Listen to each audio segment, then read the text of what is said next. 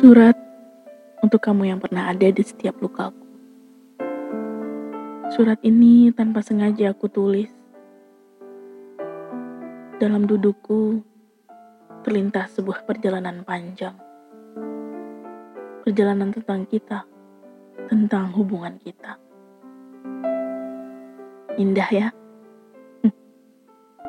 Rasanya aku gak bisa menghitung berapa banyak tangisan yang sudah aku minta untuk kamu redakan. Aku juga gak bisa menghitung berapa banyak luka yang sudah aku minta untuk kamu sembuhkan. Begitu pula jika terjadi sesuatu padamu. Aku adalah orang pertama yang akan berada di garis terdepan untuk menopang, menghapus, dan juga menyembuhkan lukamu. Terdengar seperti aku mengungkit kebaikanku ya. Hm. Tapi setidaknya tolong dengarkan sedikit lagi surat ini.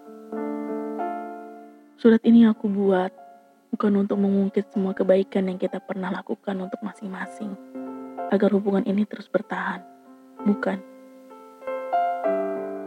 Tapi melalui surat ini, aku ingin mengucapkan perpisahan Salam perpisahan yang sama sekali tidak sanggup aku ucapkan secara langsung.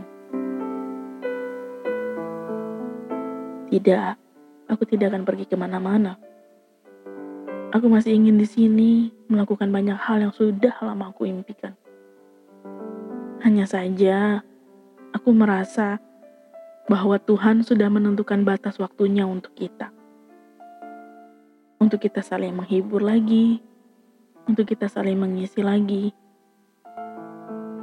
Aku rasa ini adalah titik terakhir kebersamaan kita untuk saat ini. Ya, aku masih yakin tentang ini untuk saat ini, tapi aku belum bisa pastikan akan menjadi apa kita di depan nanti. Namun untuk saat ini, aku ingin mengikuti sedikit naluri yang hatiku beri. Maaf kalau keputusan ini terkesan egois. Ya tak apa, toh kita kan tetap baik-baik saja walau sudah tak bersama, ya kan? Dan semoga akan selalu seperti itu. Aku harap kamu memiliki sandaran setiap kamu terluka.